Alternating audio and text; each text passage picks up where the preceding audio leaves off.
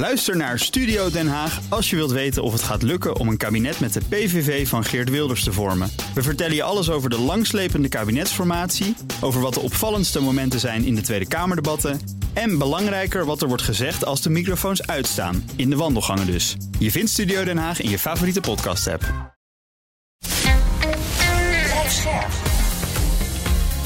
BNR Nieuwsradio. Boekenstein en de Wijk.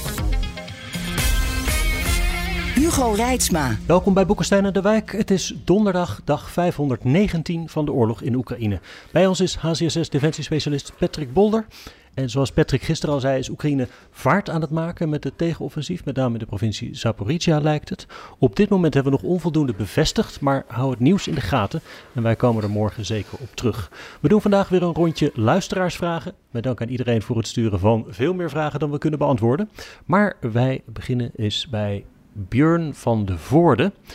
Die uh, zegt: Jullie geven vaak aan dat Rusland haar linies vrijwel ondoordringbaar heeft gemaakt met mijnenvelden. Maar het front is enorm lang. Dat moeten dus heel veel mijnen zijn. Hoe kan het dat die spullen er wel zijn, terwijl het voor de rest aan van alles ontbreekt qua materieel en munitie bij de Russen? Hmm. Nou, inderdaad, een, goede vraag.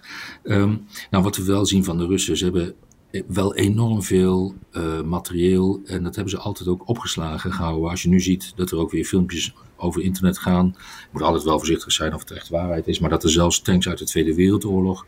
of daarvoor nog naar het front rollen. Um, kijk, de Russen die, die gooien niks weg, die vernietigen niks, maar die slaan alles op. Dat betekent ook dat het niet altijd meer even betrouwbaar is hoor. Dus dat is wel een ding.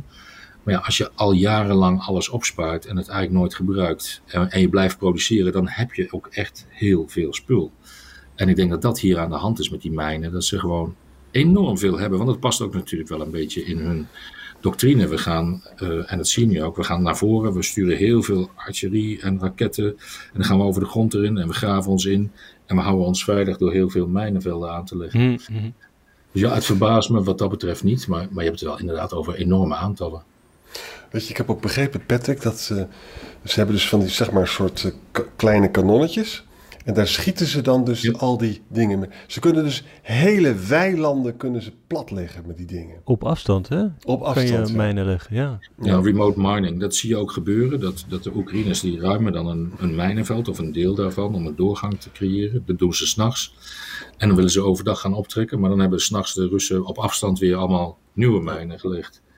Uh, ja, en dat blijven ze doen zolang het kan. Ja, ook, ook daar zie je eigenlijk zo'n uitputtingsslag, zoals we dat ook in de luchtverdediging zien, zoals we dat met de artilleriegranaten zien. Um, ja, wie heeft, wie heeft er het meeste van? Nou ja, Oekraïne gebruikt ze niet, maar wanneer is Rusland door die voorraden heen? Het is echt niet te voorspellen. Dat zijn dingen die zijn nooit bijgehouden in het Westen, vermoed ik, over de hoeveelheden landmijnen en antitankmijnen. Want je hebt hmm. natuurlijk verschillende modellen uh, die geproduceerd zijn en, en ook nog bruikbaar zijn. Gaan we door naar een vraag van ene Ramses Sappi.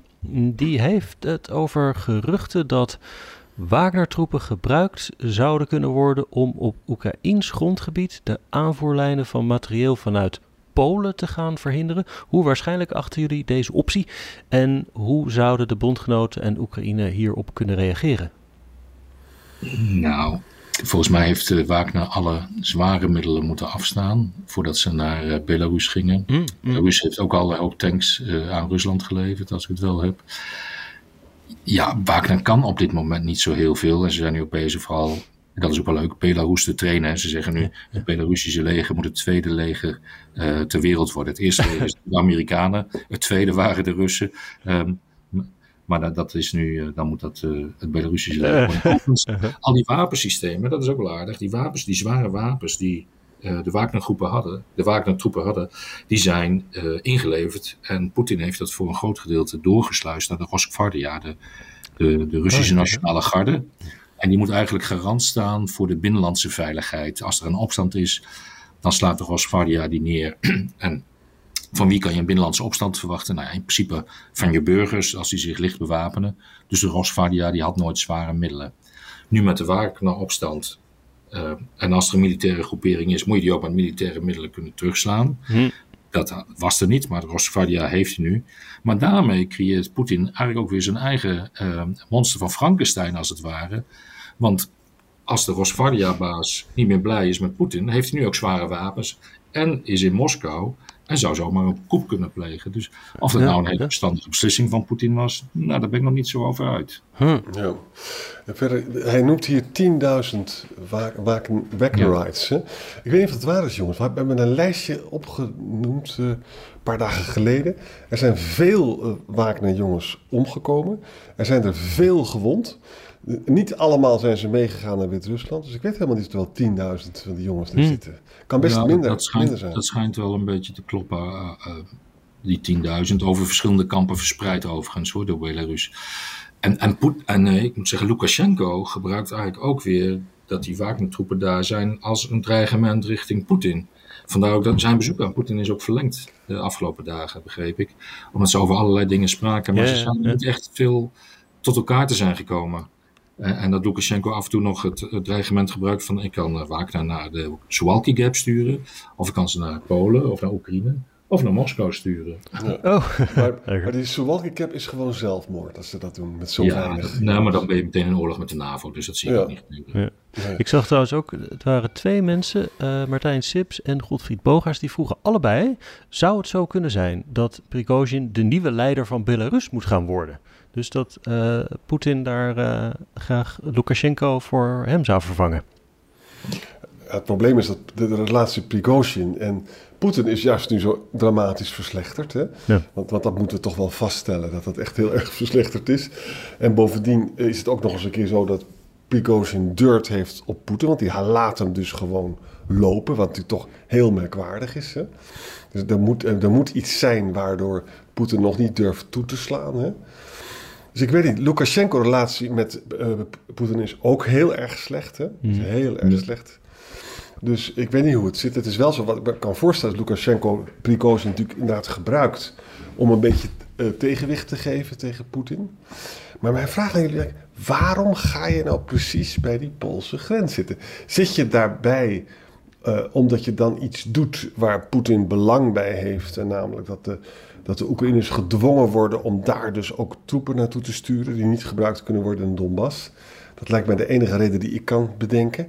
Of is het zo, of is het zo jongens? maar, dat- ook, maar ook om, om de Polen angst in te jagen. Dat ze daar Ja. misschien zeggen, misschien moeten we maar een beetje toegeven aan meneer Poetin. Want het wordt nu toch wel heel erg gevaarlijk voor onszelf. En daarmee ook weer een splitsing proberen te, een splijtspan proberen te, te vormen binnen de Europese eenheid. En ook de wapens die daar binnenkomen, die, het vaak, gaat vaak ook per trein. Hè? Ja. Zou het niet geweldig zijn als je toch op een of andere manier een raket hebt en dat je daar lekker op gaat knallen vanuit eh, Wit-Rusland? Nou, dat is natuurlijk wel een risico, maar ehm, ook raar dat het niet al veel eerder is gebeurd. Want Ja. kijk, die treinrails die kan je niet eh, eh, zomaar in de nacht op een andere plek neerleggen. Dat is altijd bekend, dat staat op Ja. kaarten. En de Russen hebben bewezen met precisie te kunnen opereren, want die droneaanval op die haven in Reni in de Donau, Hm. waar we het al een paar dagen over hebben, tegenover Roemenië, betekent toch dat ze wel heel precies kunnen opereren. Ja, het, het- het feit dus dat die trein niet werd aangevallen, ook niet als er regeringsleiders werden vervoerd, betekent dus dat Poetin zich kan beheersen. Hè? Ja. Eh, en en hij, hij is dan bang voor escalatie aan onze kant als wij die treinen gaan. Dat is, dat is trouwens ook waar. Ik bedoel, dat is een rampzalige situatie. Toch vind ik het vreemd dat dat niet gebeurd is. Ja, eigenlijk Ja. wel. Ja. Het zijn- Het zijn legitieme oorlogsdoelen, zou je zeggen. En eh, dat zou een verandering zijn als ze dat een keer gaan treffen, inderdaad. Ja. Nou, wat ze ook kunnen treffen, eh, denkt eh, Ruud Zwagemakers, is misschien de kerncentrale bij Zaporizhia. Hij vraagt, zou een aantoonbare aanslag door Rusland daar voor het Westen aanleiding kunnen zijn dit als een kernaanval te zien en om dan te reageren?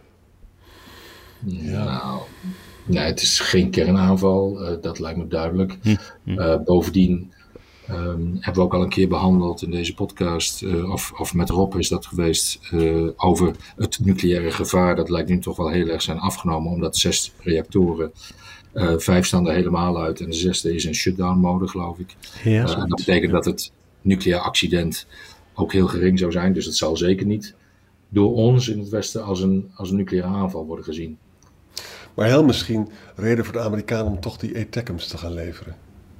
Nou ja, dat zou wel kunnen. Dat de Amerikanen met de Russen, de backchannels, en ehm, die hebben ze ongetwijfeld, want anders wouden ook, waren ook wel die spoorwegen aangevallen. dat dat allemaal onderdelen zijn van red lines die Amerika heeft gecommuniceerd. Van als je dat doet, dan gaan we dit soort middelen sturen. Dan zetten wij de deur open voor de attackums. En dan weet je zeker dat je in de hele Krim in ieder geval geraakt kunt worden. Ja. Zou zoiets misschien ook echt de, de, de, echte reden kunnen zijn dat de Amerikanen die ATACMS nog niet hebben geleverd, dat daar een voorwaarde aan is verbonden van Rusland? ja, Waag het, niet, dit of dat. Want, ja. Uh, ja. ja. dat is het enige wat ik me kan voorstellen. Want um, de, de, Oekraïners die hebben al lange afstandswapens van de Britten en van de Fransen natuurlijk gehad. De Scalp en de Storm Shadow. Uh, die ook 250 kilometer ver weg kan en de ATACMS dan 300 kilometer. Um, ja, er moet een soort van stok achter de deur zijn van de Amerikanen om die rode lijnen in stand te kunnen houden. Dus dat is op zich ook wel weer een, een handige strategie. Ja. Uh, we kunnen er nog eentje doen. Ik denk net wat voor jou, Patrick. Een vraag van Alexander Buskermolen. Uh, die vraagt: Er wordt veel gesproken over de 2%-norm die de NAVO-landen minimaal moeten hanteren voor hun defensiebudget. Waarom wordt er zo weinig gesproken over de concrete inrichting van defensie. Wat elk land nodig denkt te hebben voor zijn eigen of voor collectieve verdediging. Je kunt 2% besteden aan 260.000 F-35's, denkt hij, of complete tankbataljons. Maar een percentage kan toch nooit een doel op zich zijn? Nee, um, dat is misschien wel aardig. Ik heb uh, NATO Defense College gedaan. Ik heb een half jaar mogen studeren in uh, Rome. Dat was een uh, hele mooie ervaring. Uh, maar ook hard werk hoor. en, en, we hebben in ons committee, want je werkt er samen in kleinere groepjes, hebben we juist wat geschreven over die 2%. Um, ehm, aan de ene kant kwamen we uit met onze conclusie van ja, 2% zegt inderdaad niet zoveel, want waar geven het aan uit? Uh, geef het uit aan personeelskosten en dan ook nog de pensioenkosten voor allerlei hmm. uitgestroomde militairen, of geef het uit aan wapensystemen. Um, en is 2% nou een ondergrens? Dat is nu de discussie. Wij zitten daar in Nederland nog steeds onder. Pas in 2025 en 2026 zitten we op de 2%. Uh, maar daarna zijn de financiële cijfers nog niet duidelijk genoeg dat we er boven blijven. En de discussie in de NAVO-top zal zijn van nee, het moet een ondergrens worden en misschien moet je wel naar 3% streven. Nou, waar ga je dat dan aan uitgeven? Ook daar heeft de NAVO een heel proces voor, NATO Defense Planning uh, Policy, NDPP. Daarin op basis van de uh, ambitie van de NAVO, wat moeten we allemaal aankunnen aan, aan oorlogen tegelijkertijd en ver weg en afstanden en zwaarte en intensiteit, um, zijn er een aantal capaciteiten nodig. Uh, wat hebben de landen al? Welke plannen hebben de landen al? En waar moeten de landen dan nog in versterken?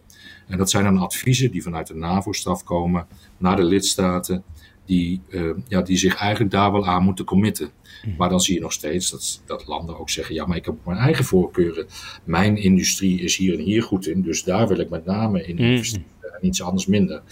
Um, dus ja, uh, goede vraag. 2% zegt niks, maar zegt ook weer alles eigenlijk. Het is een contributie. Het is een bewijs van je, je verbondenheid met het NAVO. Ik, ik betaal mijn contributie geheel, of zelfs nog meer, zoals we bijvoorbeeld in Polen en Griekenland en Turkije en de Verenigde Staten zien. En, en, waar ga je het aan besteden? Daar zijn inderdaad richtlijnen voor. Uh, maar je wordt er niet echt heel hard op afgeschaft als je het niet doet. Ja, uh, naming en shaming, dat gebeurt wel binnen de NAVO. Hmm. Maar een hoop landen vinden ook belangrijk, inderdaad, wat ik al zei. Hè, van, die, hier zijn wij heel erg goed in. Dit willen wij zwaarder maken. Dan doen we iets anders, maar wat minder. Beantwoord ja. dat? En misschien zit er ook nog iets bij van... Uh, het eeuwige gesprek, uh, discussie over de taakspecialisatie. Hè? Dat is zo ja. gevoelig. Dat is zo dat, ja, ja, ja, ja. Um, nou ja, dat, dat is dus het rare. Aan de ene kant um, we, vinden we allemaal dat de landen te veel versnipperd zijn en dat je meer samen zou moeten doen, omdat taakspecialisatie voorkomt dat je een heleboel capaciteiten hebt die heel klein zijn en gezamenlijk niet optellen tot meer dan het geheel. Taakspecialisatie zou betekenen één land is ergens heel erg goed in, maar dan heb je weer de soevereiniteit. Wil jij het als land dan wel inzetten in het hele NAVO-kader als jij het niet eens bent met een bepaalde operatie. Uh, want dan zijn jouw mensen misschien wel vooral in gevaar op dat moment omdat jij die capaciteit hebt en zijn andere landen minder. En aan de andere kant zie je dat landen heel soeverein zijn en alle capaciteiten eigenlijk willen hebben op één of uh, uh, mindere intensiteit of, of mate van uh, ontwikkeling. Ja, en dan heb je, zie je soms dat, dat hele kleine capaciteiten aanwezig zijn. Wat eigenlijk niks voorstelt, maar dat landen dat wel graag willen hebben, omdat ze een complete krijgsmacht willen hebben. En die discussie die hmm. voert in Nederland ook al jaren en jaren, komen niet goed uit. Is nou eigenlijk het percentage of de versnippering het grotere probleem? Uh, ik bedoel, als je, stel, stel dat, dat uh, Europa anderhalf procent van zijn BNP uitgeeft en daar één leger van bouwt, heb je dan niet een behoorlijk goed leger? Uh, ongetwijfeld, ja. Maar da dan krijg je weer de discussie. Ehm, vinden wij iedere militaire operatie van Europa met z'n allen belangrijk? En zetten we dan de hele krijgsmacht in. En dan heb je het wel weer over die verbonden wapens. Stel je voor, wij doen de artillerie. En de Duitsers doen de infanterie. Ja, en ja, de cavalerie. Ja, de Duitsers doen even niet mee. Ja, dan heb je die verbonden wapens ook niet meer. Dus daar zit toch ook wel weer een groot probleem. Hmm, lastig. hey, um, dank jullie wel weer voor vandaag. En we spreken elkaar morgen weer. Tot morgen, jongens. Ook Bas van Werven vind je in de BNR-app. Ja, je kunt live naar mij en Iwan luisteren tijdens de ochtendspits. Je krijgt een melding van Breaking News. En niet alleen onze podcast Ochtendnieuws, maar alle BNR-podcasts vind je in de app. Download nu de gratis BNR-app en blijf scherp.